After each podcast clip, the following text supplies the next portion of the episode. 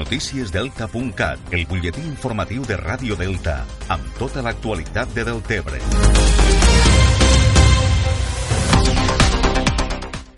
El grup municipal d'Esquerra Republicana Més del Tebre ha demanat al govern municipal constituir un front institucional de poble en defensa de la festa tradicional amb bous després de la votació del passat dijous al Parlament de Catalunya que insta la Generalitat a prohibir els correbous. La petició que s'ha entrat a registre de l'Ajuntament demana que siga l'alcalde Lluís Soler qui lidere este front institucional i que estigui format per tots els regidors i regidores del ple, els representants de les comissions de bous, el Club Deportiu La Cava i el ramader local Pedro Fumador Lo Charnego. Segons els republicans, amb el front institucional es podran coordinar accions i oferir una resposta unitària del municipi a la resolució del Parlament. A tot això, el ramader del Tebrenc, Pedro Fumador, ha lamentat el menysteniment de la classe política catalana a les Terres de l'Ebre i espera que es puga reconduir la situació i mantindre la llei del 2010 que regula la festa amb bous a Catalunya. Estic segur que ho reconduiran, que aniran per un altre camí perquè fa nou anys que es va fer una llei blindada i la gent ha sigut tan respectuosa en la festa dels bous a les Terres de l'Ebre que jo crec que no es mereix este desig, que vull pensar que és un desig de la classe política.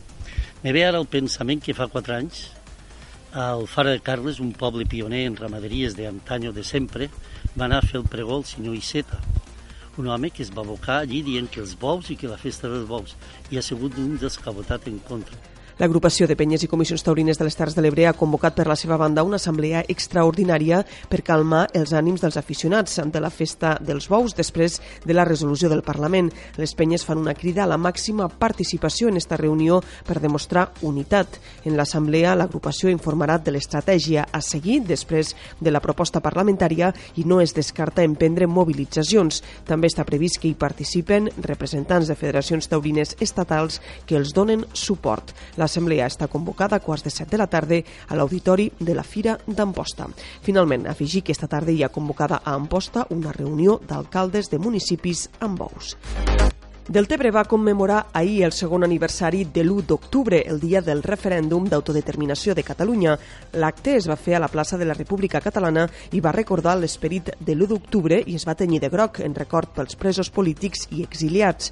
L'alcalde Lluís Soler recorda que Deltebre sempre ha estat un poble compromès amb la consecució de la República Catalana. Eh, Deltebre sempre està. Deltebre és un municipi pues, que de conviccions fortes i que vol eh, aconseguir les llibertats públiques que anhelem per Catalunya. Se l'ha estat català.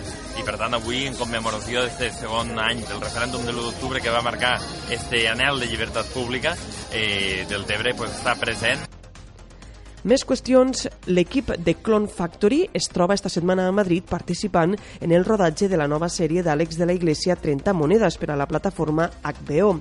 Cal recordar que a banda de la fabricació de ninos hiperrealistes, Cristina Iglesias ha dedicat gran part de la seva carrera professional als efectes especials en el cinema. Es tracta d'una sèrie de terror de 8 capítols que compta en el repartiment amb actors com Eduard Fernández, Pepo Nieto o Macarena Gómez, entre d'altres. I continuem parlant de cultura perquè el Consell Nacional de la Cultura i de les Arts, el CONCA, ha pres el pols esta setmana les necessitats i inquietuds dels agents culturals de les Terres de l'Ebre. La presidenta del CONCA, Vinyet Panyella, ha destacat l'excel·lent i extraordinari moment creatiu del territori i ha assenyalat que la qualitat de les propostes culturals ebrenques la certifiquen els premis nacionals i europeus que han rebut Literarum o el del Tebre Dansa.